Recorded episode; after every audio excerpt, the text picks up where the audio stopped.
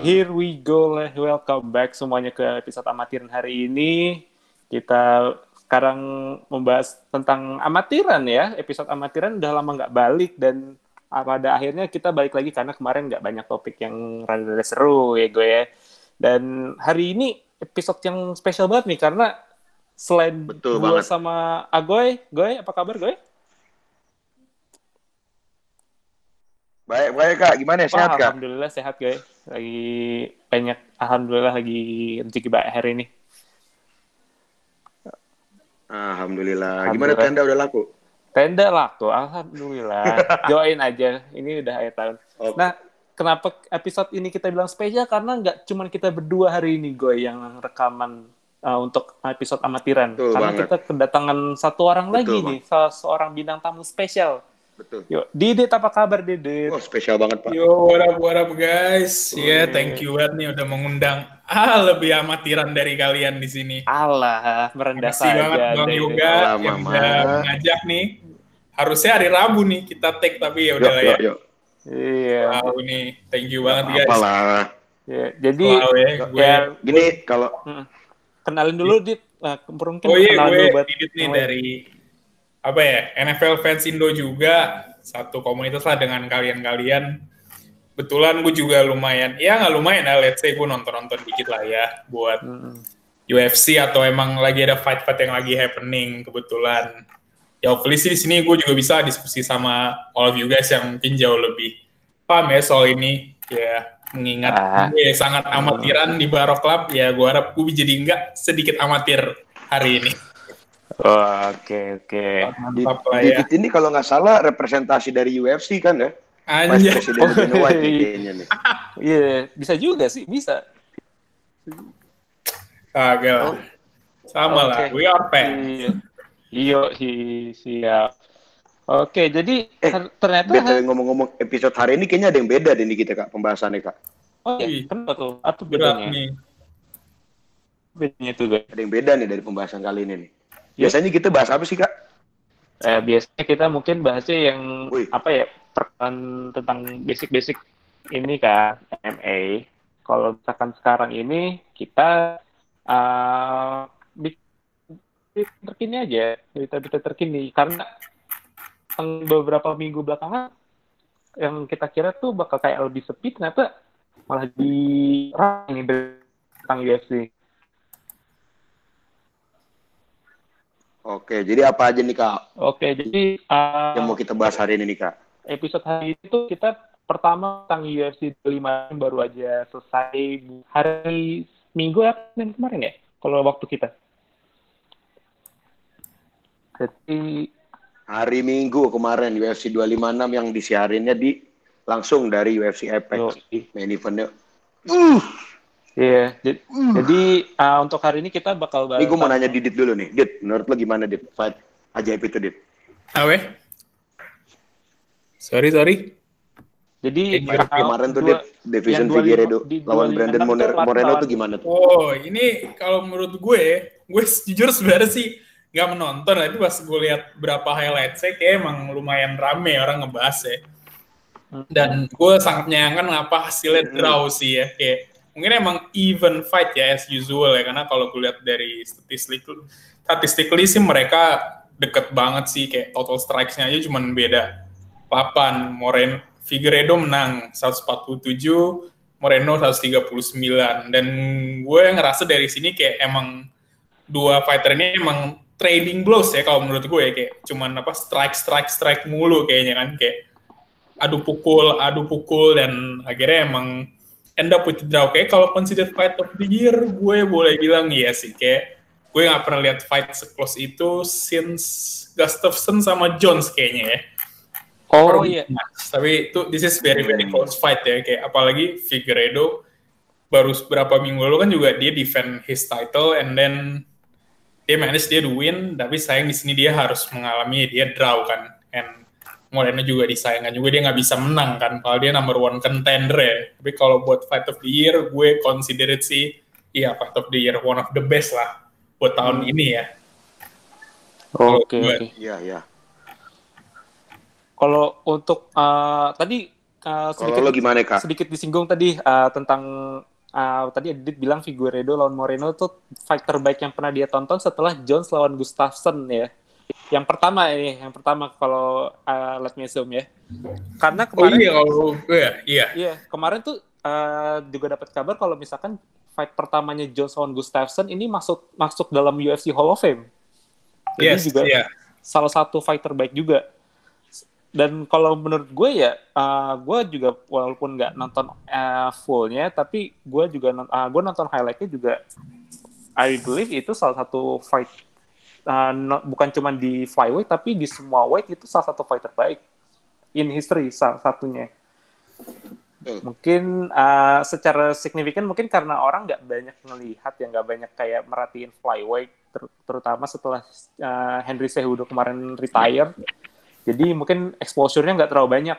Tapi kalau misalkan uh, lu coba nonton dan lu mungkin termasuk yang suka uh, fight yang kencang-kencang yang yang quick uh, yang speednya kencang banget ini fight yang harus tonton sih walaupun hasilnya mungkin agak anti klimaks karena draw ya majority draw gue ya jadi uh, as a fight sih ini uh, complete banget. It has everything inside of the fight. Kalau lu gimana gue? Nih, Yoi. gue nih sekarang nih ya. Kalau gue justru perbedaan di kalian cuma di bagian resolusi dan bilang rada anti klimaks atau gimana.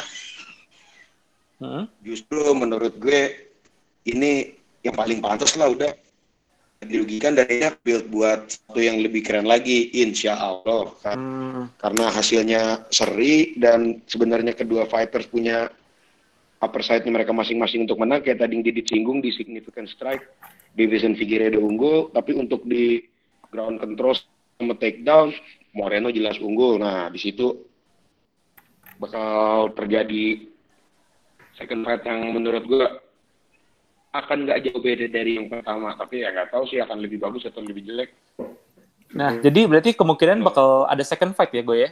Untuk ada fight lawan Figueredo lawan Moreno. Hah? Bakal ada sequel. kenapa harus Di antara Figueredo lawan Moreno. Hmm. harus Oke, oke. ya harus ada sequel Mm-mm. Dan di UFC 256 ini nggak cuma ada Figueredo dan menguntungkan Moreno banget loh. soalnya buat UFC. Iya, nggak cuma Figueredo Moreno doang, tapi Betul ternyata banget. main card dan bahkan satu pre- prelim cardnya juga termasuk stall the show loh. Kayak co-main eventnya ada Betul dua banget. kayak kayak dua kakak Betul. beradik ya. Charles Oliveira lawan Tony Ferguson. iya. Dit, Nah, Tahu nih. Fight Tot- bagus yang endingnya sedih sih menurut iya. gue sih. Tony Ferguson dit kalah unanimous Endingnya sedih sih. 32-6 all of the judges loh. Jadi ini tel- termasuk telak banget kalau misalkan yang Aduh. belum nggak begitu merhatiin UFC. 32-6 tuh telak banget. What happened dengan Tony Ferguson? Dit? Telak sih kalau dilihat ya. Kalau menurut gue, Betul, betul banget. gue lihat dari semua statsnya juga, everything tuh kayak si Oliveira tuh overall emang winning sih. Winning semuanya menurut gue. Kayak gue gak tahu ya. Tony Ferguson mungkin he he's too overconfident ya. Kalau kalau fight fight dia yang pernah gue tahu ya, dia pernah fight sama ini ya, Anthony Pettis kalau gue nggak salah ya. Iya, kalau nggak salah ya Ferguson, Iya. Fer- Ferguson. Oh, iya, Iya, lebih kan maksudnya- cek. Fight Betul. dia itu kan Betul, Uh, betul. always fight itu kayak always ini ya, menurut gue Ferguson tuh fightnya always kayak straight up brawling kayak or apa ya dia emang striking terus kan kayak Hmm. dia lawan Geje juga dia kalah Geje sampai dia cedera kan kayak emang kayak di sini Ferguson tuh kayak di expose Hmm. abis-abisan ya sama Oliveira kayak Oliveira tuh ngabisin semua kayak he do anything lah buat defeat Ferguson kayak dia jab, dia hajar, dia kasih strike dan dia submission juga kena mulu. Kan setahu gue kalah dia di sub di take down ya hampir hampir give up waktu dia submit ya gue lupa sih. Dia dia- hampir submit kalau nggak salah. Ah, iya kan kayak armnya kena kan di situ gue lihat kayak gila Oliveira tuh winning everything kayak dari total strike aja kayak dia udah overall kayak emang dia owning all apa owning all the game plan. Kayak dia mungkin game plan dia emang buat bermain switch kayak dia buat nanti gua ngajar dia terus nanti tata gua harus submission submit si Ferguson juga akhirnya kayak akhirnya kalah juga karena dan ini pun aja Ferguson di strike sama si Oliveira itu 26 26 ngarahnya ke head 63% kayak di total strike yang dia lan apa yang dia land tuh.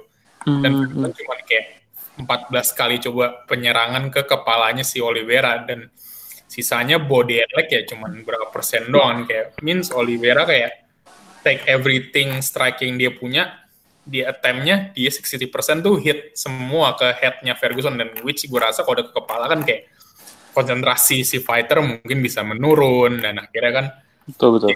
masih juga kan. Apalagi Ferguson seingat gue kan baru sembuh cedera ya which gue gak tahu itu ada efek apa enggak.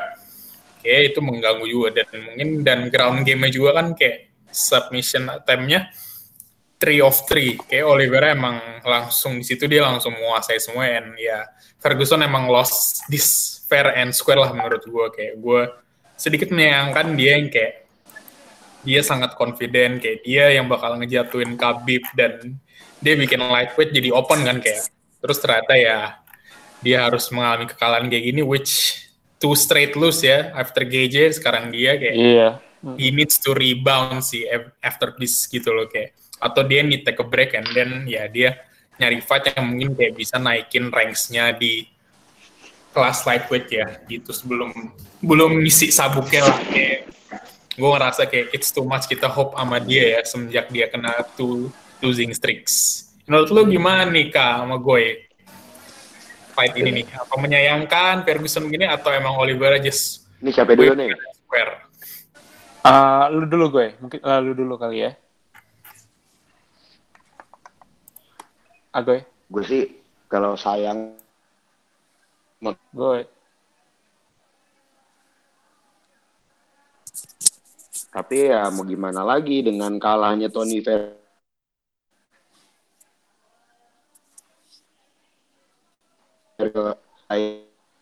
ini gue suka lihat Tony Ferguson kalah bukan tapi kayak seperti yang Dikit bilang tadi lightweight ini makin gila. Ini udah kelas tak bertuan nggak ada rajanya dan bisa dibilang dari peringkat fighter peringkat satunya sampai peringkat let's say peringkat lima peringkat lima pendong lah semuanya itu pantas gitu buat title fight Anyway, sih coba kita ini nggak nggak in order saya gue bilang ya.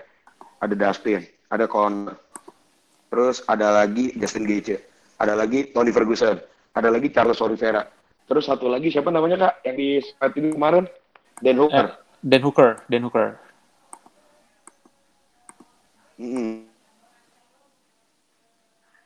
Wait. Dibandingin era-era di mana gue pertama kali mulai ngikutin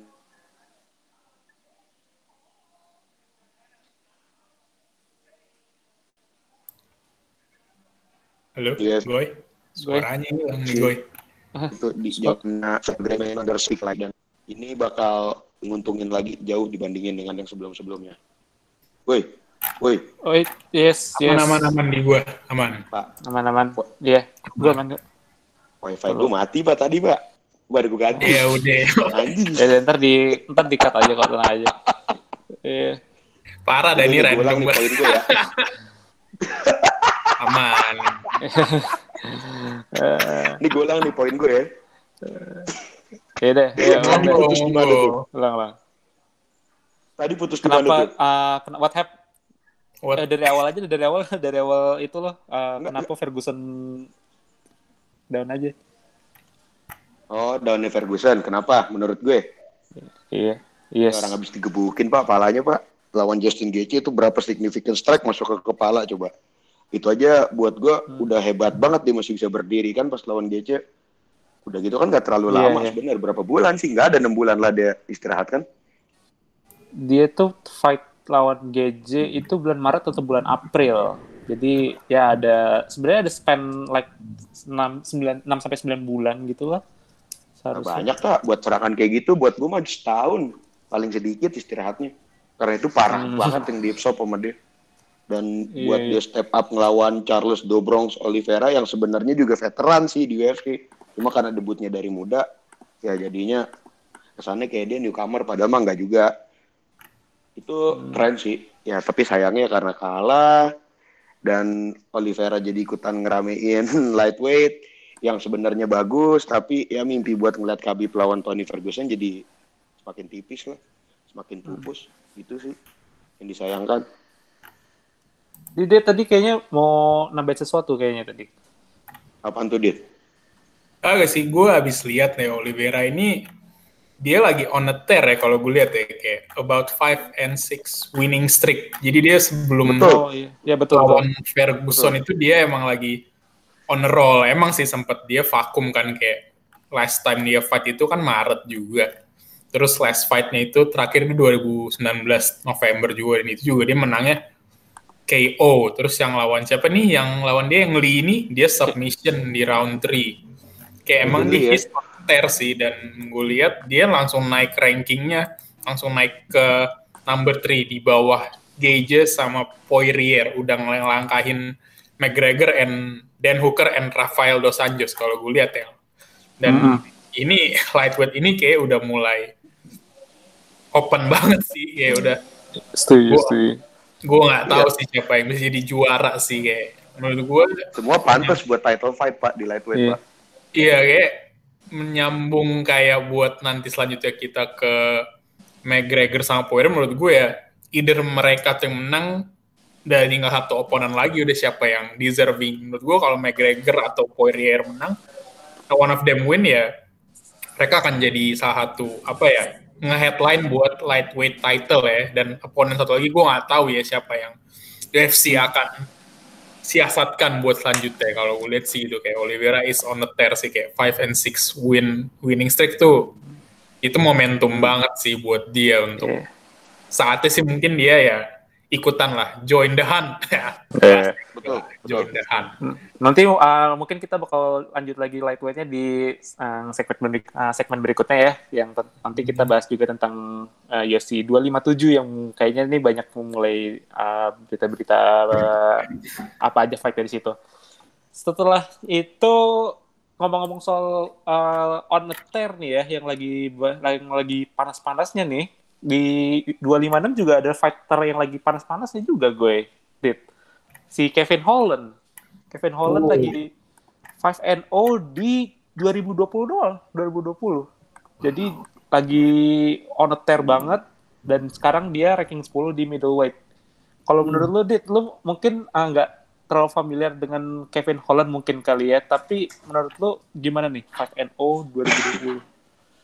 Buset, dia nge-finish Jacare Souza TKO Dan TKO-nya katanya juga eh, sadis banget tuh katanya kalau dilihat di highlight-nya YouTube itu.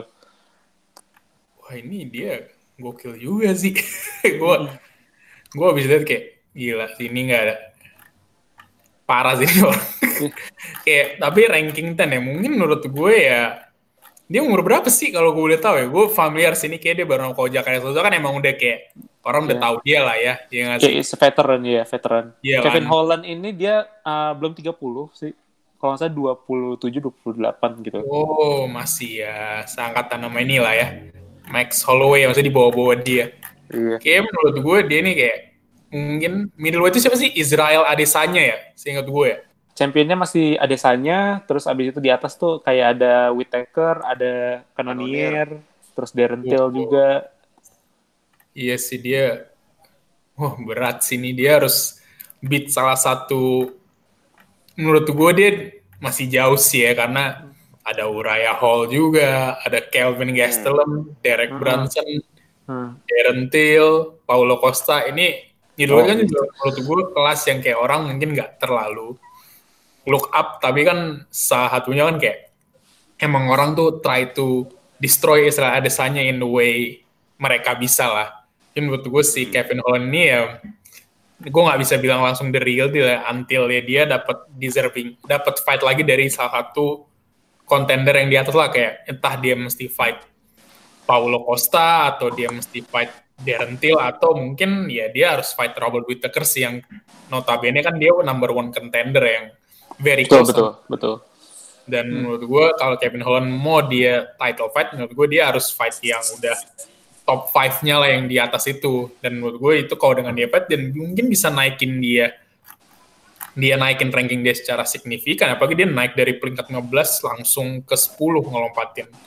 Former champion Chris Whiteman yang Whiteman udah lama nggak fight ya. Oh, iya. Dan Udah, itu menurut gue fight dengan dia satu contender menurut gue akan naikin probabilitas dia untuk challenging Israel Adesanya.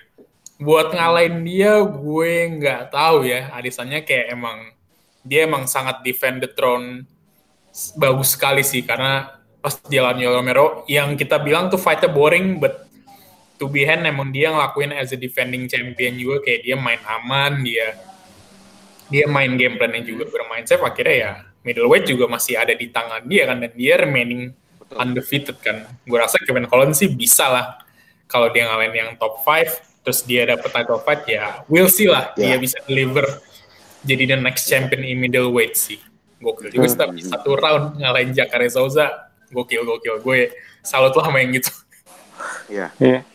mantap mantap Terus gue, uh, ada yang Kak. ada yang bilang katanya Kevin Holland bakal dipasangin not uh, sama lawannya middleweight, tapi lawan di bawahnya Kamzat Chimaev katanya. Ada yang bilang. Heeh. Tapi Iya menurut betul. kalau misalkan beneran kejadian Holland lawan Chimaev, yang mereka kayaknya fight-nya paling combine-nya paling banyak di 2020 ya. Ada Chimaev itu ada tiga atau empat fight di 2020 dan itu kayak time Yap. span-nya cuma berapa bulan doang. Sedangkan Holland Hmm. ya tadi kayak kita udah singgung tadi lima pertandingan 2020 Lima menang fight semua. ya. Menurut lo uh, kalau misalkan uh, Chimaev uh, cocok nggak sih fight-nya bakal uh, untuk di match up atau enggak? Kalau misalkan lo nggak setuju, lawan siap lawannya siapa untuk Holland mungkin di in the next future kali? Gini kayak kalau kita ngomong Kamzat Chimaev nih gue sebenarnya bingung. UFC ini maunya apa sama Kamzat Chimaev? Iya. Soalnya dia kan masih benar-benar masih unranked fighter yang baru desain dan ternyata nggak tahu kenapa jadi gone viral gitu kan di Instagram apalagi meme-memenya banyak banget Secara- Iya. perawakannya rada mirip gitu sama Khabib dan segala macam dan sama-sama smash smash gitu. Iya. Tadi kan melawan Leon Edwards ya kalau nggak salah ya.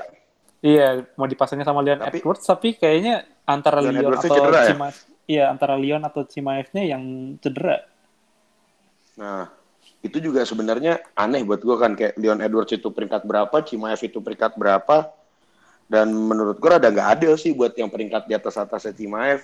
Makanya kan gue juga bingung jadinya nih maunya dijadiin apa nih orang, dijadiin cuma sekedar money fight aja seperti layaknya Diaz Brothers gitu atau dan Conor atau mau dijadiin kontender beneran buat ngelawan si Usman di masa mendatang.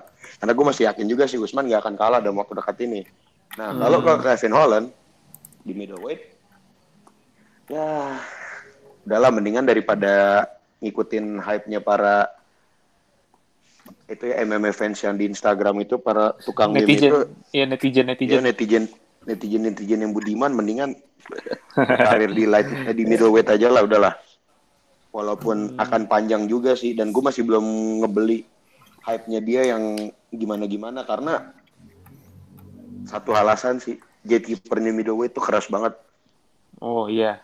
tiada lain tiada bukan ya Bobby Knuckles ya Robert Whittaker sendiri Oh iya iya. yang bisa jadi akan dijadiin rivalry gitu sama UFC sama desanya Hmm iya. dengan banyak faktor Hmm, bener. gitu Oke. Jadi itu yang review kita tentang UFC 256. Kita langsung lanjut ke UFC 257 tapi kita sedikit singgung tentang dua event sebelum 257 yang ah, tadi kita udah nyinggung juga tentang ah, Leon Edwards lawan Kamzat Chimaev yang batal. Harusnya itu dia ah, mereka tanding tanggal 19 which is berarti hari Hmm. Minggunya di kita. Katanya sih karena Chimaev ah, positif COVID katanya. Atau ah, terus habis itu dilanjutin lagi katanya Chimaev lagi suffer from severe symptoms of disease. Jadi mungkin ada penyakit yang dia nggak bisa bikin nggak bisa bikin dia ah, tanding di event ke depan dan digantiin main eventnya sebagai Stephen Thompson lawan Geoff Neal, Wonder Boy lawan Geoff Neal nih.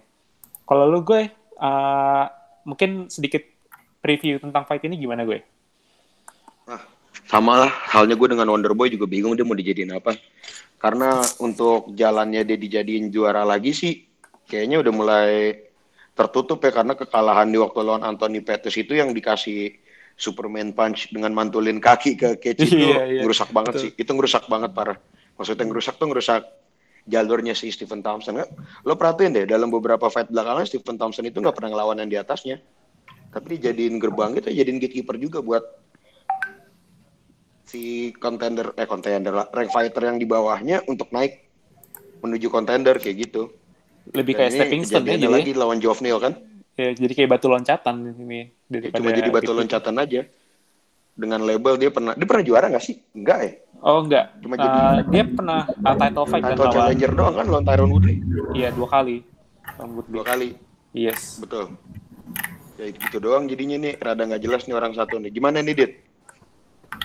Gue kalau menurut gue kayak udah Casey udah lebih sih ke Jeff Neal ya. Tahu gue Hmm. Jeff Neal juga lagi on a fight winning streak seingat gue dan this is age difference gue gak tahu ya mulai berbicara kali ya soalnya Stephen Thompson Ya. tahu gue kan udah 37 tahun ya sementara Ya, Jeff Neal udah tampangnya doang yang muda deh. Ah, ah, tapi kuat. Iya, Iyalah, let's Tampangnya doang yang muda emang. So kuat emang. Yo, Emang.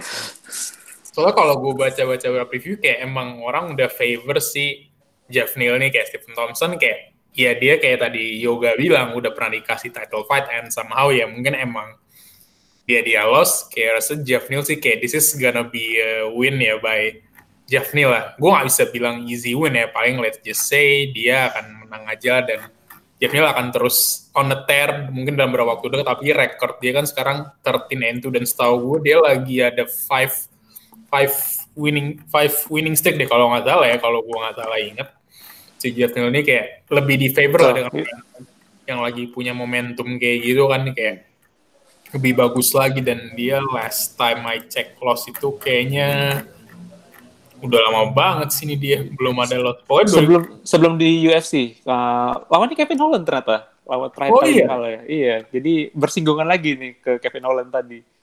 oh tadi- oh kalau gue lihat ini Iya. dia last time lose nggak ada lose ya. dia fight satu tahun lalu 2019 dia juga menang. TKO deh kalau nggak salah ya lawan siapa? Mike Perry Ah, ya? Iya, Mike Perry. iya Ya. kan? Di sini juga dia lawan Price juga. TKO juga ronde 2 kalau gitu kayak ini orang kayak bisa knockout juga sih. Kayak malah kan sempat kena knockout juga ya. Kayak tahun apa? Tahunnya apa? Tahun lalu ya Stephen Thompson ya? Gue lupa kan. Kalau dia kena KO yang tadi si Agoy bilang dan gue rasa kayak momentumnya gue rasa kayak this is lebih ke favor ke Neil lah in shortnya ya gue belum in depth lagi tapi kayak gue rasa Neil will take this W any day Oh, Oke. Oh, Geoff Neal ya. Nah, Iya, yeah, udah gue sih lihat langsung- gitu. Hands of Steel. Oke, oke. So, uh, itu tadi uh, event yang pertama. Uh, gue sedikit koreksi tadi sebenarnya harusnya ada tiga event bukan dua. Uh, yang ketiga itu rada belum ke ada bayangan fight card-nya, tapi yang kedua ini tentang uh, Holloway lawan Qatar, former UFC Hmm. champion Max Holloway lawan Kelvin Qatar di featherweight. Hmm. Gue jadi Hol- Holloway ini sekarang uh, kemarin udah dua kali kalah lawan Volkanovski ya, berarti Sekali kalah. sekali kalah dan satu draw kalau salah atau gimana? Eh dua, Enggak, sekali kalah. Itu Fuck jurinya gila. Alexander Volkanovski, fuck. iya Fuck, jurinya gila itu. dua dua dua lima satu itu waktu itu emang jurinya agak membingungkan ya ininya. Ya, betul. Jadi Dit. uh, Dit gimana Dit uh, Volkanovski ah Volkanovski uh, Max, Max Holloway Gue denger nama dia emosi anjing. Iya. Banyak yang ini juga. Max Holloway sekarang itu dia adalah nomor berapa nih? Satu. Nomor satu ya. Sedangkan Masih nomor satu seinget gue. Iya. Masih number one contendernya ya. iya. Sedangkan Kelvin Qatar sekarang nomor 6. Berarti Yes, di bawah, benar, di bawah eh, Korean Zombie sama Yair. Brand Ortega. Woi. Iya, Korean Korean Zombie yang Zombie. kemarin Iya. eh, sempat kalah lawan Ortega ya, lawan Ortega. Mm-mm. Yang rivalry yang sempat kita bahas juga gue tentang Ortega Iya, sama betul. Korean Zombie. Menurut lu gimana? penting. Iya, menurut lu gimana Dit? Eh, preview lu tentang Qatar lawan Holloway ini? Gue belum tahu ya si Qatar sejago apa ya kayak. Tapi gue kan a big fan lah. Ya, not a big fan ya kayak. Gue suka banget sama Max Holloway. I think dia last time emang dia non title fight kalah kan setahu gue dia kalah sama Poirier ya Conor. gue dan last time dia non title fight Iya. juga Iya, kalah dia, ya dia kalau lawan Poirier waktu interim lead Interim itu title fight nih.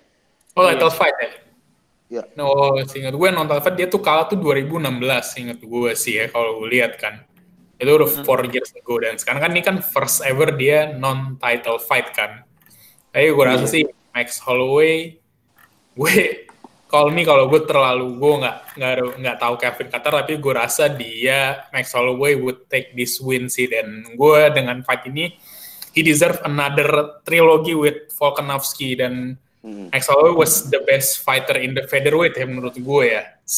Before dia ngalahin Jose Aldo. Dan gue nggak tahu sih Calvin Qatar how good he is tapi this is Blast era still continues boys Oke, Betul. The Blast, setuju, The Blast. Express ya. Setuju. Yo, ini. He isn't done yet Hmm. Betul. Tapi Oke. kalau menurut kalian gimana nih Calvin Qatar apakah sih he's a worthy opponent yang should Holloway harus worry atau ya Holloway will take this win not easy tapi kayak ya menang by decision or Kalau- Holloway iya. harus waspada Mungkin ke gue kali ya. Kalau misalkan Kevin Qatar itu, gue juga gue sempet uh, nonton like short highlightnya waktu dia lawan Dan Aichi itu ya. Kalau nggak salah itu setelah setelah uh, 251 itu. Atau sebelumnya. Itu dia uh, emang dominating banget Dan Aichi ini. Dan dia lagi juga termasuk on the tear juga. Dia sekarang itu um, like 7 and 2 di featherweight UFC jadi dia juga lagi rekor bagus dan dia udah uh, di number 6 juga. Mungkin dia uh, langsung kepilih jadi lawannya Holloway karena uh, kemarin kan juga Ortega udah lawan Korean Zombie. Terus habis itu Zabit juga belum jelas gimana kabarnya Zabit Magomedov terus siapa lagi? Yair ya? Yair juga Hmm. kemarin sempat menang lawan Jeremy Stevens tapi ya belum bakal ada kabar dia bakal fight di dekat-dekat ini jadi ya Holloway lawan Qatar ya matchup terbaik yang featherweight punya untuk sekarang. Dan emang sekarang lagi kalau based on contendership sih lagi emang lumayan seru antara dari 1 sampai 6 Holloway udah lagi lawan Qatar habis yang tadi kita ini Ortega juga habis menang lawan Korean Zombie. Zabit juga masih banyak yang nungguin terus habis itu uh, siapa lagi? Yair juga belum tahu juga. Jadi masih rame featherweightnya tapi uh, mungkin kalau misalkan gue bilang kalau misalkan Volkanovski bakal tanding lagi di waktu dekat antara dia bakal lawan Zabit atau lawan Ortega kalau menurut gue Hmm. Oke, so itu mungkin preview kita tentang Holloway lawan Qatar ya, yang berarti UFC Fight Night 184 berarti 184. Ya. Ya, 84 dan betul. Langsung aja ya kali ya kita ke main event kita, langsung ke 257 nih, 257 yang udah kita tunggu-tunggu kembalinya sang raja katanya, sang raja. Sang Conor- poster boy. sang poster boy, sang cover boy. Conor McGregor. Conor McGregor lawan yang dulu dia pernah kalahin juga, Dustin Poirier. Ya, Jadi di ini featherweight, ya. McGregor lawan Poirier 2. Iya. Gimana, Dit? McGregor unretired, langsung lawan uh, fighter yang juga on the tear sebenarnya, Poirier nih. Uh, it is kalau gue lihat ya, this is ya buat dua fight ini eh Poirier dan McGregor kan kayak ya last time gue lihat McGregor menang fair and square lah ya kalau kita lihat kan kayak McGregor emang finish the job very ini kan terus kayak dan kalau gue lihat itu McGregor tuh emang get inside his head get inside Poirier head kayak Poirier tuh ke confront nerima bumbu-bumbunya. Dan menurut gue situ kayak main game sama McGregor tuh juga menang lead up to their previous fight. Dan somehow ya McGregor menang fair and square and he destroy Poirier fair and square lah kayak memang dia deliver the blow yang di need karena dia dengan main gamesnya. McGregor kan as always kan poster boy like Agoy bilang kan. Iya, iya. coba cari cara untuk being catchy lah di mana pun panggungnya kan. McGregor will also do that ya tapi gue nggak tahu ya. Karena gue belum lihat trailer fightnya. Tapi gue rasa McGregor akan mungkin akan main-main games lagi tapi dan tapi di satu sisi Poirier kalau gue lihat kan udah lebih apa ya nggak kayak dulu soal waktu kan dia six years ago kan Lebih dia, dewasa kali ya, lebih mature. Mhm. ya, ya mungkin dengan kekalahan yang dengan Khabib juga dia kan Khabib kan juga si Poirier nggak berapi-api kayak ya udah kita ya udah ya fight ya kita fight gitu loh pas lawan Paul McGregor dulu kan dia kayak dia bakal ya ya awal ya dia try Hmm, Iya. juga kayak kepancing kan itu kan emang bos dan dia udah pernah fight dengan kayak salah satu yang terbaik kayak Holloway and siapa? And Khabib Ah, gue rasa dia Iya. Poirier will give a better fight lah dari usual ya.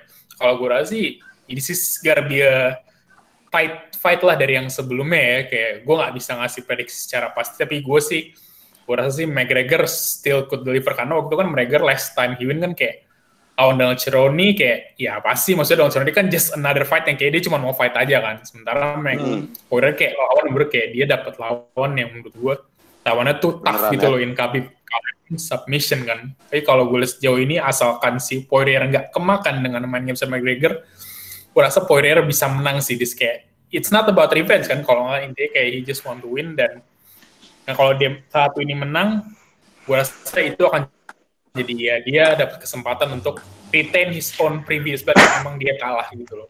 Tapi kalau McGregor get inside his head lagi kayak dulu lagi ya you know lah resultnya notorious MMA will deliver seperti as usual.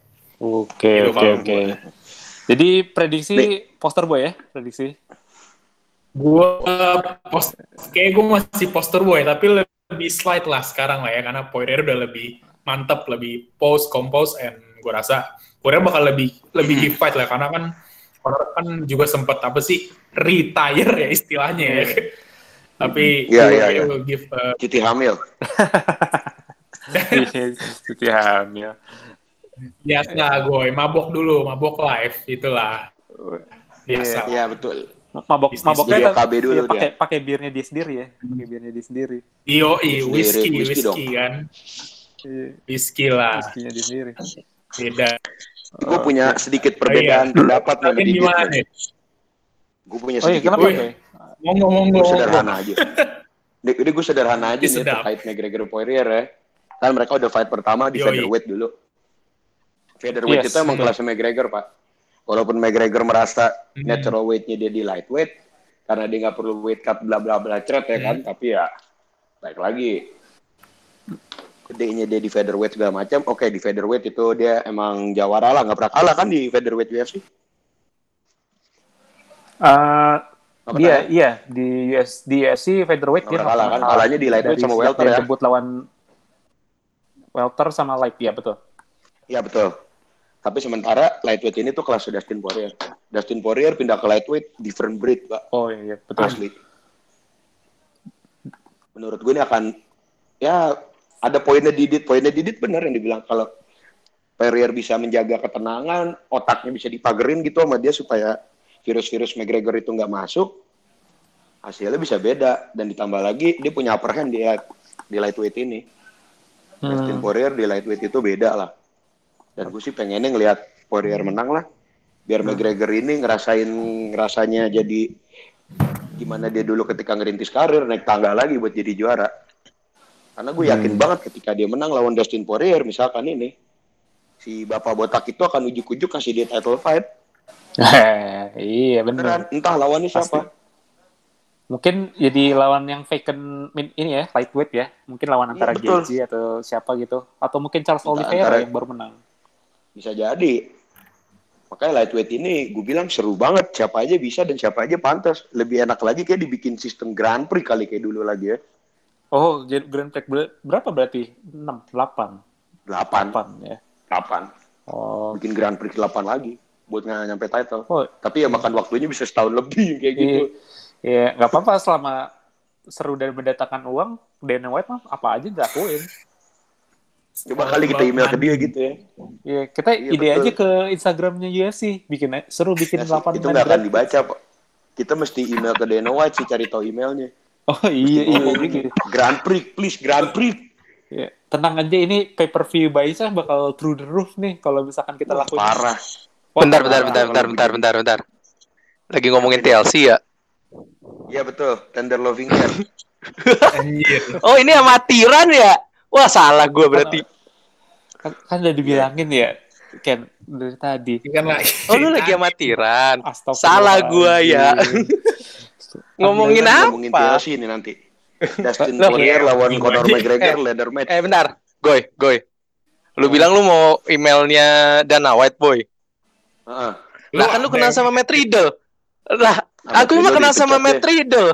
Ya pasti punya Oh, lah iya, emailnya dulu bekas apa eh, kontrak segala macam kan lewat email bisa lah minta ke Matt Riddle.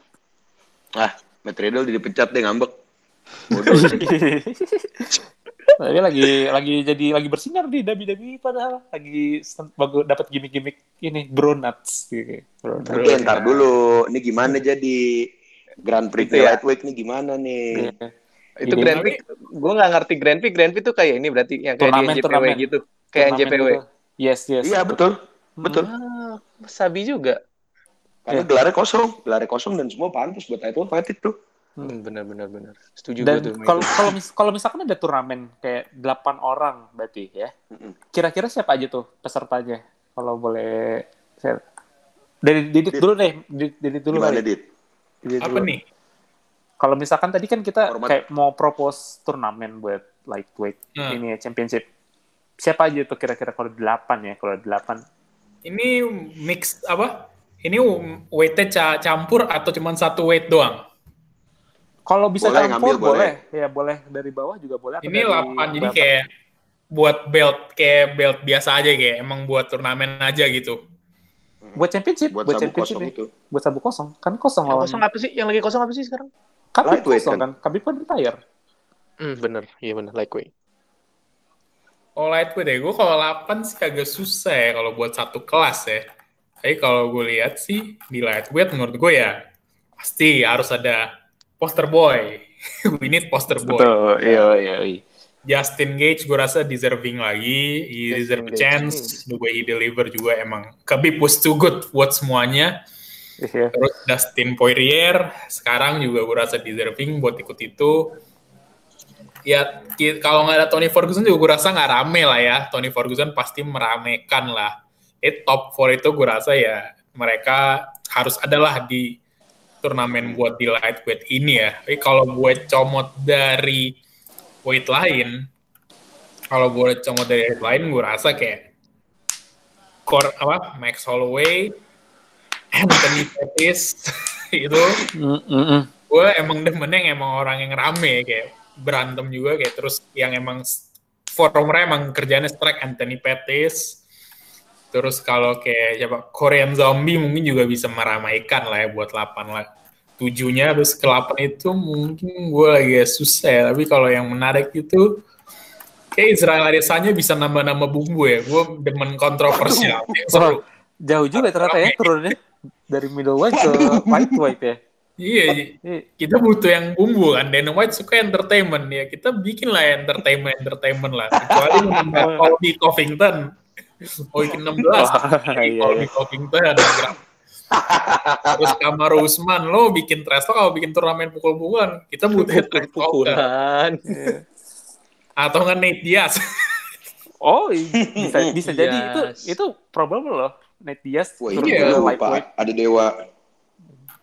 Iya. Iya, eh, kalau gue sih top 4 ya as always Poirier, Ferguson, McGregor sama KJ kayaknya emang ya mas lah karena mereka kayak headline-nya ya lah. Headline-nya si apa kelas ini kan. No disrespect tuh kayak Dos Anjos, Dan Hooker, and Paul Felder lah. Tapi kayak nggak ada yang lagi yang lagi emang dibahas sama UFC juga emang empat orang itu kan kayak yang bikin jadi open field kan sebenarnya kan. Hmm. Oke. Kalau menurut gua, kalau menurut kalian nih gimana nih kalau ada turnamen kayak gitu, siapalah Gue nih kira-kira? ya, Ya boleh gue. Ya, ayo gue. yang udah pasti Justin Gaethje, Dustin Poirier, Tony Ferguson, Conor McGregor adalah. Pasti. Hmm. Terus itu kan baru empat. Terus Charles Oliveira masuk deh. Dan Hooker oke. Terus Rafael dos Anjos udah punya kesempatan tapi ya cukup lah. Nggak usah lah, Rafael dos Anjos skip. Paul Oke. Felder itu udah pensiun belum sih? Ah, dia pensiun gak pensiun, dia tetap bakal tanding sih kayaknya. Kayak dia komentator Dia udah- dia- balik balik. Dia masih di peringkat 8 soalnya. Dia tuh bolak-balik dari komentator jadi fighter. Terus pas kalau misalkan apa lagi idol ya komentator gitu-gitu. Oke, berarti dia kayak Dominic Cruz dan Michael Bisping pada saat itu ya. Sih. Iya. Masuk deh, masuk deh. Paul Felder boleh, Paul Felder. Itu baru berapa Oh, tuh? Baru iya. tujuh kan? Tujuh Orang terakhir gue mau ngasihnya ke ini sih. Khabib Nurmagomedov udah pernah jadi juara. Sekarang tinggal proteginya yang belum. Islam Makachev, Pak. Oh, iya. Harus ada. Iya, keturunannya. Heeh, biar Khabib nggak balik. Kan kalau di Islam Makachev yang juara, Khabib nggak bakal balik tuh. Nah, udah. Jadi ntar juaranya bisa dua fight gantian, dua fight gantian lah. Kayak gimana lightweight mestinya dulu. Oke oke oke. Ya, eh, kalau dari gue sih mungkin balik lagi ke fight-nya eh, Conor lawan Dustin ini karena ya yang udah eh, lu pada bahas juga dia udah pernah tanding sebelumnya mereka dan Poirier lost fair and square ya juga karena mentalnya agak terganggu gara-gara trash talk-nya Conor. Betul. Tapi uh, Poirier juga gue uh, juga gue setuju banget sama lu sama Didi sama gue semua. Kalau misalkan dia itu it's a much mature, much uh, much more complete dan juga lebih matang secara mental juga. Jadi dia udah makan asam garamnya MMA di UFC terutama karena dia selain um, siapa ya dia salah satu active fighter dengan fighter banyak di UFC loh. Jadi, Ya betul. jadi dia uh, like number two behind Cowboy, Cowboy Cerrone. Dan dia juga udah pengalamannya banyak banget loh. Jadi walaupun usianya kayaknya dia masih 30-an awal, tapi dia udah like 33 fight di pengalaman karir dia. Jadi ini emang dia adalah battle hardened fighter yang veteran banget. Dan kemarin juga walaupun kalah sama Khabib, tapi dia masih like uh, riding uh, momentum juga lawan Dan Hooker dia impresif juga menangnya. Terus lawan Holloway, Alvarez sebelum lawan Khabib, lawan Geji juga dia menang, lawan Pettis dia menang. Sebenarnya lawannya hampir mirip-mirip sama Conor uh, di karirnya dia. Dia pernah ngalahin Holloway, ngalahin Alvarez, ngalahin siapa lagi kalau nggak salah. Dia juga kayaknya Joe Duffy dia pernah menang nggak sih? Gue lupa. Joe wah itu gue lupa tuh orang tuh kak, sumpah. Iya itu itu orang. iya, itu lama banget loh. Jadi Joe dia- Gregor Gillespie itu tai lah, hype doang anjing. iya itu udah lama banget soalnya jadi uh, Connor Connor sama Dustin punya karirnya rada gimana ya rada beda rada sama tapi juga rada beda kayak mereka pernah lawan lawan orang-orang yang sama tapi karirnya tuh kayak beda gitu kayak Dustin sempet kayak rada drop di featherweight terus dia naik kembali ke lightweight terus langsung kayak on Meledak. tear banget sih Iya, jadi betul. Uh, menurut gue fight ini bakal jauh lebih close uh, dibandingkan Conor lawan Cowboy Oh, karena ya, Satu ya- lagi kak, ada Anthony Pettis yang pernah dikalahin sama Dustin Poirier tahun 2017, TKO ronde 3. tapi Conor pernah lawan Pettis nggak? Nggak pernah. Nggak. Jim Oke. Miller. Tapi Iya. kalah sama Michael Johnson. Ini kampanye Michael Jackson ya, MJ juga. MJ bukan bukan Michael Jordan bukan Michael Jackson tapi Michael Johnson ya. Michael Johnson ya. Oh, lawan Davi menang decision 2016. Iya. Yang si Medeiros, siapa lagi nih udah nggak tahu ke mana tuh orang. Dia itu uh, kalau nggak salah uh, Poirier itu udah berapa kali menang gitu kayaknya dia salah satu active fighter yang winnya paling banyak juga di UFC. Jadi Di Dustin Poirier di UFC eh, overall ya, 13 Iya. knockouts, 6 submission, 6 decision. Itu menangnya Dustin Poirier. Ih, banyak Hmm. banget nih. 25. dia uh, 26 bukan sih lawan Hooker? 25 kak, 25. Oh, Oke. Jadi Menang. ya uh, dan tapi mungkin yang perlu kita pertimbangkan karena Conor juga dia nggak benar-benar aktif juga dan dia terakhir kali fight kan tahun lalu ya tahun Nah, like se- dua, 11 12 bulan sebelumnya 2020 Januari tapi ya jadi udah lama Ya. banget dan sebelumnya pun dia sempat hiatus sempat uh, like uh, taking a hiatus kayak 18 bulan sejak fightnya lawan Khabib Dan emang Iya karena walaupun digebokin dia takut. Iya. Dan emang walaupun 40 detik dia berhasil finish cowboy, tapi ya itu cowboy udah uh, udah tua banget, udah kayak Udah sering kebanyakan banget di- dipukul, Pak. kebanyakan dipukul, dagunya udah udah gelas, udah pecah belah Mhm. itu.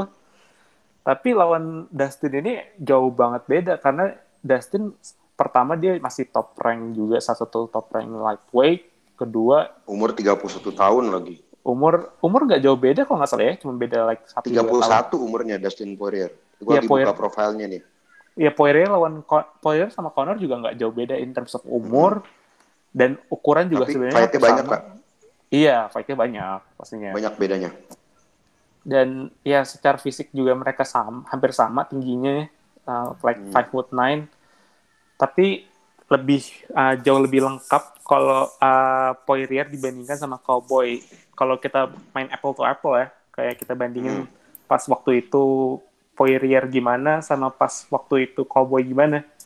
Jadi ini beda fight yang beda banget dan juga ini fight yang pastinya jauh lebih susah dibandingkan fight lawan Cowboy. Jadi harusnya uh, persiapannya Conor ini harus lebih intensif dibandingkan waktu lawan Cowboy. Gitu. Nih, gue lagi lihat fight cardnya UFC 257 nih. Hmm. Dan ternyata isinya, wah banyak yang gue nggak tahu ya. Tapi boleh lah kita bikin, Boleh lah ya. Oke, iya, iya. kita bikin prediction dikit buat tiga fight yang udah keluar nih di atas. Ada Dustin Poirier versus Conor McGregor. Di bawahnya, nggak tahu nih jadi komen event atau enggak, Jessica Evil Eye lawan Joanna Calderwood. Ini Astagfirullahaladzim. mantan kontender juga nih Oh. Joanna Calderwood nih. Terus Khalil Roundtree Junior versus Martin Pracino. Who the fuck is this guys?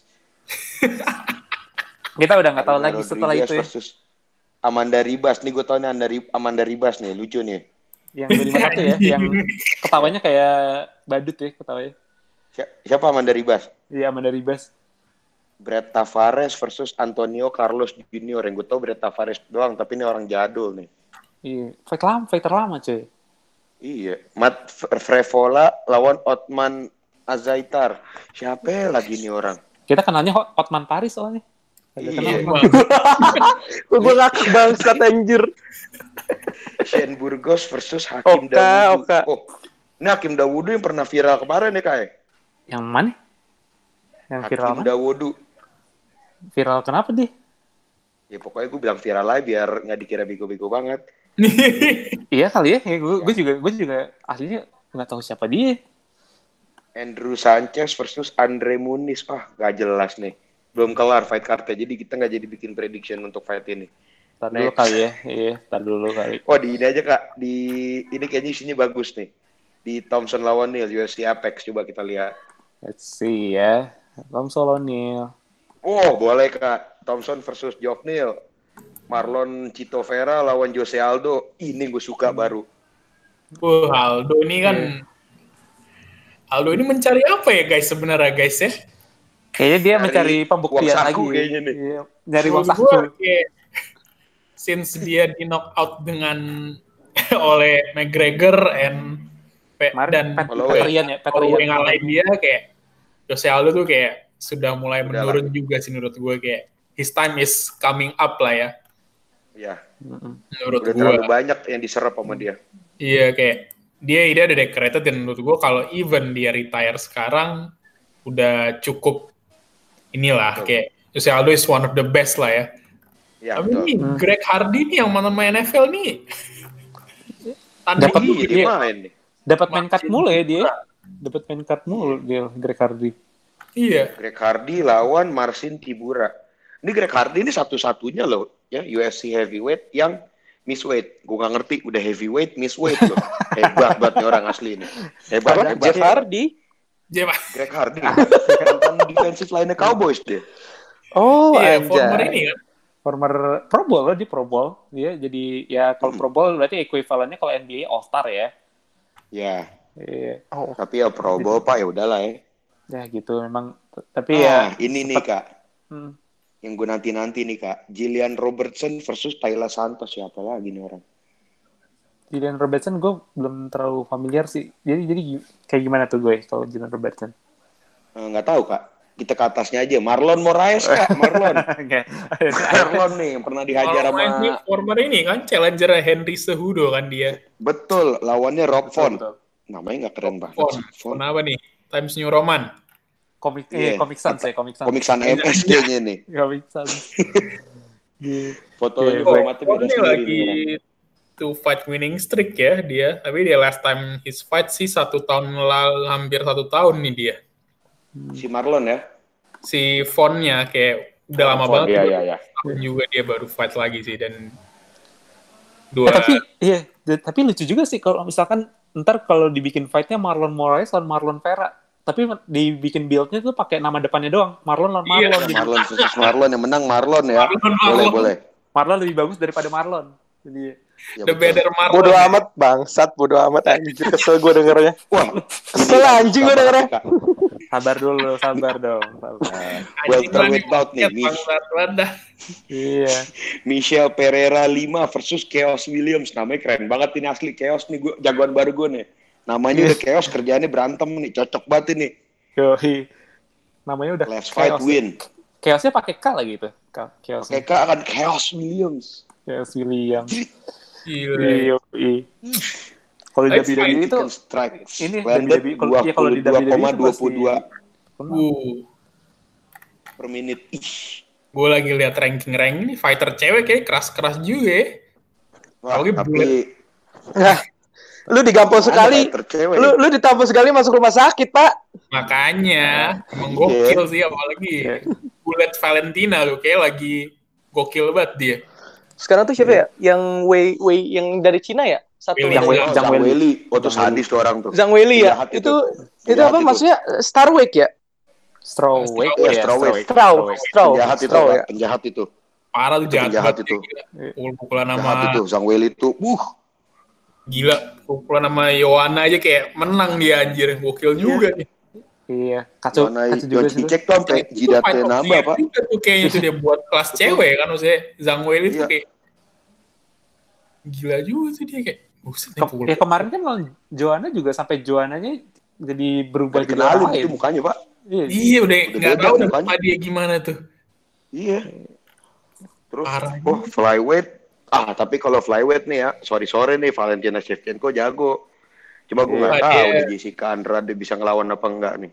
Iya, kayak Bullet Valentina tuh lagi Udahlah, hot banget sih dia. Kayak menang mulu. dia nggak ada lawan dia. Kayak dia best ini ya, best women fighter. Ya maksudnya di second behind inilah. Nunes. Amanda Nunes. Yoi. Tapi menurut Amanda kalian Nunes. bisa nggak ada yang jatuhin dia nggak? Kayak dia dominance lumayan kuat sih. Dan kira-kira ada yang bisa Gua masih- jatuhin si Nunes nih dalam Gua waktu. masih Kayak next ini- year lah, let's see next year. Siapa yang bisa jatuhin dia Apa gue tadi? Kenapa gue? kira-kira Gue gue? masih berharap nih Amanda Nunes dit ya, yang bisa Hmm. ngelawan tuh gue masih berharap sama Jermaine Derandami sih. Nah, Oh, Holly Holm lah. What went wrong dong dia pas kemarin pertama lawan Random Messi? Randomnya kenapa tuh? Salahnya di mana tuh gue menurut lu? Randomly terlalu main aman kalau gue bilang mah. Padahal sebenarnya striker lawan striker kan ya. juga begitu kan. Mereka tuh striker lawan striker sebenarnya. Nunes Betul, lawan tapi terlalu main aman sayangnya. Mm-mm. Jadi itu kan dikasih decision kan ya, unanimous lawan Amanda Nunes. Yes, unanimous, unanimous decision. Jadi double Tahun champ lalu. kan akhirnya. Iya tahun lalu Mhm. itu. Jadi lama banget. Udah udah lama sih. Dan Amanda Nunes nih juga perjalanannya di UFC keren loh. Dia tadinya kan juga bukan yang langsung datang langsung dominan. Iya. Ngegrind dulu dia dari bawah. Iya ngerasain dari bawah ngerasain kalah-kalahan dulu. Hmm. Tapi Gue lagi lihat nih, dia dia pernah kalah kok di UFC. Sumpah. Itu lawan siapa ya? Gua Nunes tuh nih. Nunes tuh pernah kalah lawan Misha Tate bukan sih?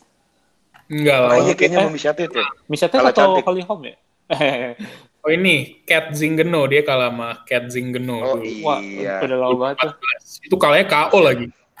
Iya. Cat Buset. Singeno ya. Oh dia pernah ngalahin Shayna Baszler juga dengan waktu 1 menit 56 detik ronde 1 KO. Masya Allah.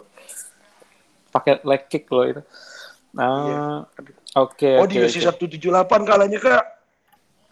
Oh, lagi-lagi Terakhir Amanda Nunes kalah. 2014. Itu last time dia kalah mah 6 tahun lalu dong anjir lama banget. Makanya lama banget 11 fight loh, 11 fight win streak loh dia tuh sampai Iya, dia- sekarang. Salah satunya Valentina Shevchenko korbannya dia juga di UFC Iya, betul. 196. Wah. Gila.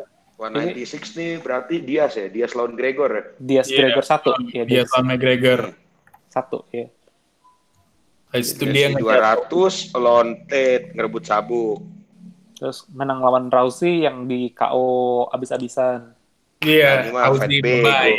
Itu itu memang itu emang bego udah given ini. sih itu. emang udah given. Mm-mm. Terus Dia ngalahin Oh, Shevchenko dua kedua kalinya. tapi yang paling impresif sih emang kalau Nunes tuh pas ngalahin Cyborg sih. Ya, Gua itu udah nggak nyangka secepat itu. Gila. Jadi buat yang pada yang belum tahu, iya buat pada yang belum tahu ini, jadi Cyborg ini adalah salah satu fighter yang cewek paling dominan kayak Santero Jagat. Pak. sampai Iya. Santero Jagat dan Iya. Nunes ngalahin dia tuh KO in one round di bawah satu Nggak nyampe menit. semenit. Gak nyampe semenit. Nggak nyampe. Tuh, iya. sampai sampai gelas pecah apa itu tadi tuh? Wah, gue mecahin gelas, Kak, saking kagetnya. Wih, Iya. gitu. Sangat sangat shocking, man.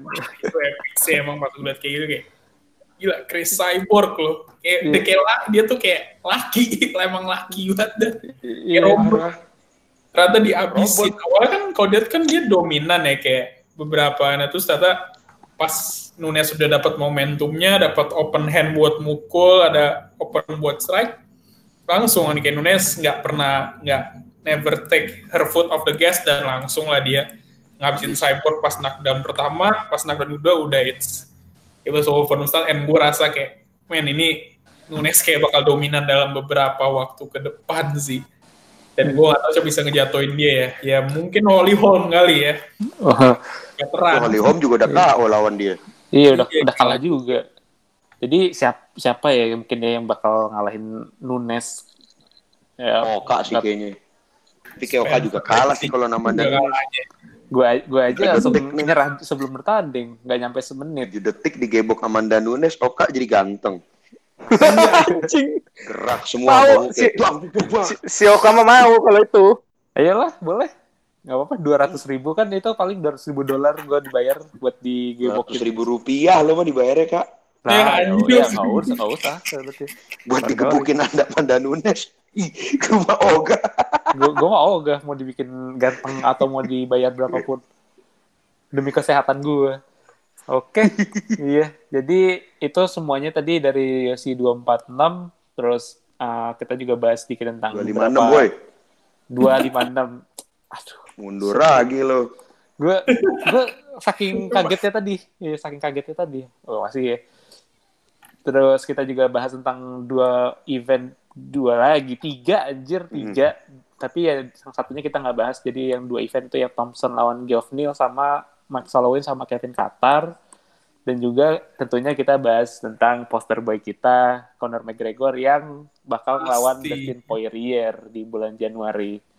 So Hmm. Oke, tadi udah tadi ada uh, udah ada Kenta, jadi ini uh, sekian juga dari episode amatiran kita. Thank you banget Didit udah datang, udah meramaikan podcast ini. oh iya Thank you banget, Dit. thank you, Dit. Ya, Guys. sambil seru-seruan Oi. gitu ya. Tahu, Dit, ikut lah kalau ngomongin MMA. Kayaknya lu banyak pengalaman nih tentang MMA ini. kagak lah anjir gue masih banyak banget Anjir, eh, Ah, nih, misal nih gini gini, enggak gue gue bilang gini ya. Lu tadi Apa? ditanya kalau kalau misalnya match 8 orang siapa aja? Lu apalah kalau gua, ntar kalau gua ditanya kayak gitu mau apa, tau nggak gue jawab siapa? Ntar gue jawab siapa nih? Matt Riddle, Ken Shamrock, gitu-gitu aja yang ada di WWE yang ikut 8 orang, mana ngerti? Sedangkan lu Tapi kalau WWE kayak gue butuh waktu ya kalau mau ngomong WWE kayak butuh waktu sih. Enggak, gue ngajak-ngajak lu kalau MMA aja paling. Kan lu ngikutinnya MMA, kalau nggak nggak wajib ke WWE. Nggak harus semua aja. nggak harus satu- semua episode gitu. Iya, tenang aja si Tenang si aja. Agoy aja di si Agoy aja ditanya WWE pasti jawabannya cuma satu. Bagus. Heeh.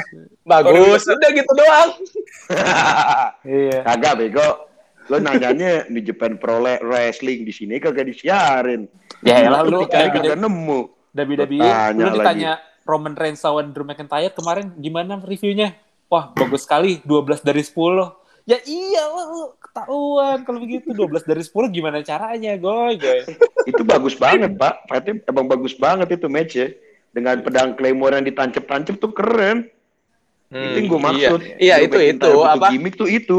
Iya, gimmicknya keren sih. Ya kan emang lagi di push aja itu. Biarin aja Iya. Eh, Oke. Jadi kayak- Lagi kan WWE dengerin gue. ya emang that time idol itu kayak lu udah banyak keluarin film-film deh kalau gue kayak ngeluarin Brass of Destruction, ngeluarin si The Last Ride kayak mereka tuh akhirnya kas kok pandemi ini mah ngeluarin movie-movie gitu ya kayak dokumenter lah kayak nggak tahu ya kalau Undertaker ya? Fight the Ring ya tapi kayak kalau di luar kan kayak Undertaker mau di recap terus kayak Kane sama dia gitu, gitu kayak ada percakapannya anything else Terus mereka akhirnya kan jadi banyak ngeluarin match-match zaman dulu gitu kan kayak bikin channelnya jadi hidup menurut gue Hmm, hmm. dan Oke, menarik oke. sih menurut gue kayak how they build apa konsisten juga sih dulu kayak dari atas dengan kondisi yang begini mereka malah jadi juga tetap deliver everything yang mereka bisa itu menurut gue keren ya gue gak ngikutin overall tapi gue beberapa kali liat channelnya kayak mereka semangat banget ya buat ngidupin NXT-nya sampai sekarang. Iya. iya. Berarti Bener. War, War Games itu yang baru ya event eh nggak baru sih maksudnya kayak event yang lagi in ya. Bagus kok, bagus kok. lagi, dipakai lagi. War Games baru berapa ya? Baru tiga tahun, empat tahun terakhir ya kayak? Iya dari Itu kan 2017. match zaman dulu kan itu. Iya, maksudnya baru sebenarnya baru ada baru. lagi, baru ada lagi empat baru, tahun baru terakhir, lagi. empat tahun ya kayak? Iya tiga empat tahun terakhir. Tiga lah. empat tahun terakhir dan tiga tahun terakhir ya yang mensnya itu semuanya undisputed era. Mm. Sebenarnya Emang gila undisputed, tuh. undisputed era semua kalau nggak salah sih kayaknya pas pertama tuh kan tiga lawan tiga lawan tiga kan tapi uh, Rod- Roderick Strong belum muncul di undisputed era Oh, iya. belum gabung. Benar benar benar. Oke jadi uh, ini sekian dulu dari episode amatiran Eme, kita yo dan ada Wabillahi Agoy. taufiq wa hidayah. Oh, belum Iya. sabar goy, sabar, sabar, belum, Tenang belum, dulu, belum, tenang belum, dulu, belum. Sabar ya. Pokoknya kalau yang mau nanya-nanya mau ke- bisa ke mana kak? langsung aja ke barok.club b a r o c k club di IG kita Twitter, Twitter, ada Twitter nih kita jangan lupa. Twitter Hmm. kita juga di mana ya barok barok.club juga ya barok.club Kalau nggak salah sih iya yang apal Abi dong ya. Emang nih kalian Iya. sama Yang- lagi gue juga lupa anjing. yang pegang yang, yang pegang akun kita nggak tahu kita nggak tahu karena kita nggak pegang akun Nah terus kalau mau maki-maki ke mana goy? Jangan lupa ke Instagram Muhammad Barokah. Keluarkan semua cacian kalian. Karena di Instagram Barok Club kita tidak menerima negative vibe. Iyo, eh. kalau negative fight semuanya ke Oka aja langsung ya. Dia bisa terima dengan lapang dada kok. Bye bye lo. Nggak apa-apa ya udah kalau oke. mau ngirim giftnya secara langsung buat Oka, bisa banget ke rumahnya. Nanti alamatnya DM aja di Instagram Barok Club. Dikasih. Iya. Wah, Keras Ya banget. udah oke. Eh, sorry juga guys, kita itu lagi ya. Kita apa? Kita skip lagi ya minggu lalu ya. ah, Biasa lah enggak orang sibuk. kagak bukan skip Eh, kita kagak, itu minggu lalu rekaman, Geblek. Kita rekaman iya, dari Iya, minggu lalu rekaman Oh, ya. minggu lalunya lagi berarti. Dua minggu Ya yang udah, lalu udah ya. minta maaf, udah. udah, udah minta maaf juga kalau kita kemarin Ah, Dah. Oke oke oke thank you udah dengerin episode kita amatiran kita kali ini semoga bermanfaat. Eh apaan dok? Apaan dit? Lu mau ngomong apaan? Kagak lah, eh. makasih lah sudah mengundang ke sini lah Agoy Oh, iya. dan oh iya Oke. iya sama-sama ini ya gak full squad ya. Kayak kalau full squad berisik nih kayak ini. Oh nah, lu, iya lu kalau kalau lu mau nyoba full squad pas kita ngomongin WWE full squad biasanya. Oh ya boleh lah, boleh lah. Ambil inilah ya. Tahun baru, tahun baru gitu. Podcast tahun Bisa baru. bisa. Bisa Pada bisa. Kasihan Wah, banget lo tahun baru anjing. rekaman lo, nggak Enggak jalan-jalan. apa enggak enggak Iya, apa-apa gue gue gue kita barbekyuan tapi lewat ini Google Meet kita barbekyuan lewat Ya, Google Meet. beneran udah. Kasihan banget asli. barbeque Ya sambil udah. rekaman nih Oke oke, thank you guys sudah dengerin untuk episode kali ini. Jangan lupa eh, follow dan segala macam yang tadi udah Oka bilang. Kita juga eh, akan balik lagi minggu depan. Semoga ya. Kayaknya ada di minggu depan ada ya omongan ya harusnya ya. harusnya Ada, ada, TLC Oh? TLC. Selama Oke, masih ada Oka, bahan omongan ada terus. pastinya Oke, thank you udah dengerin. Apa gue lanjut gue tadi penutupnya gue. Wabillahi taufiq wal hidayah. Wassalamualaikum warahmatullahi wabarakatuh.